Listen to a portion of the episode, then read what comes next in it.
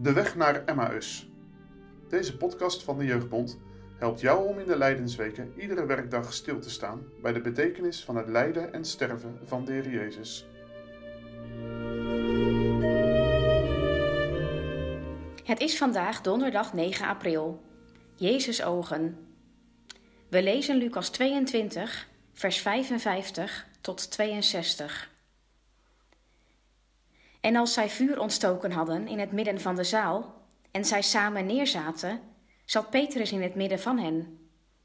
En een zekere dienstmaagd, ziende hem bij het vuur zitten en haar ogen op hem houdende, zei: Ook deze was met hem. Maar hij verloochende hem, zeggende: Vrouw, ik ken hem niet. En kort daarna een ander, hem ziende, zei: Ook gij zijt van die. Maar Petrus zei: Mens, ik ben niet. En het omtrent een uur geleden was, bevestigde dat een ander, zeggende: In der waarheid, ook deze was met hem, want hij is ook een Galileër. Maar Petrus zei: Mens, ik weet niet wat gij zegt. En terstond, als hij nog sprak, kraaide de haan. En de Heere, zich omkerende, zag Petrus aan. En Petrus werd indachtig het woord des Heeren, hoe hij hem gezegd had: Eer de haan zal gekraaid hebben, zult gij mij driemaal verloochenen. En Petrus, naar buiten gaande, weende bitterlijk. Zou jij ooit je beste vriend op het moeilijkste moment in de steek laten? Kun jij je dat van jezelf voorstellen? Nee toch? Petrus kon dat ook niet. Hij zou zijn meester van wie hij zoveel houdt nooit, maar dan ook nooit verloochenen. Maar voordat Petrus het doorheeft, kraait de haan. Wat Jezus had gezegd, is gebeurd. Wat een vreselijke werkelijkheid. En hij kan het niet meer terugdraaien. Misschien herken je dat wel. Je neemt je voor om tegen de zonde te vechten, maar voordat je het doorhebt, heb je de zonde alweer gedaan. Simon, Simon, Jezus gezegd. De Satan wil jullie ziften als de tarwe. Maar ik heb voor je gebeden dat je geloof niet zal ophouden.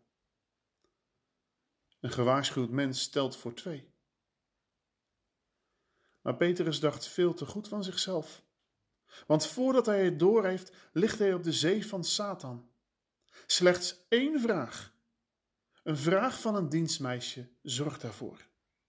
Hoor jij ook niet bij Jezus? Hé, wat? Ik? Petrus ontkent het. Hij zweert. Hij vloekt er zelfs bij. Hij Jezus kennen? Hoe komen ze daarbij?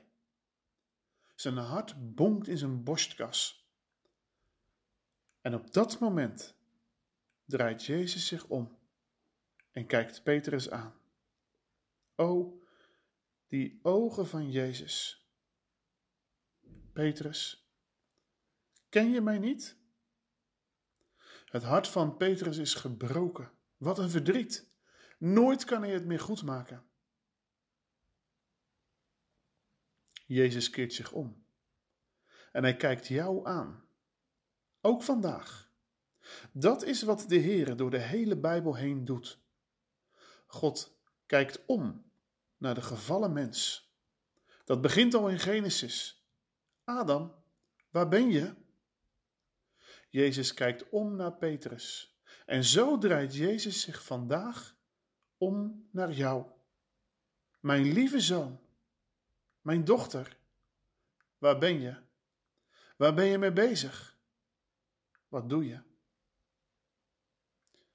In een preek van Abraham Hellebroek, bij dit gedeelte uit de Bijbel, las ik een gebed. Laten we dat bidden. O goedertiere Jezus, zie ons aan met die ogen van uw ontferming, waarmee u Petrus in de zaal, Maria Magdalena bij de maaltijd en de moordenaar aan het kruis bestraalde. Geef dat wij met Petrus onze zonde bewenen, met Maria u volmaakt liefhebben en met de bekeerde moordenaar eeuwig bij u mogen leven. Amen.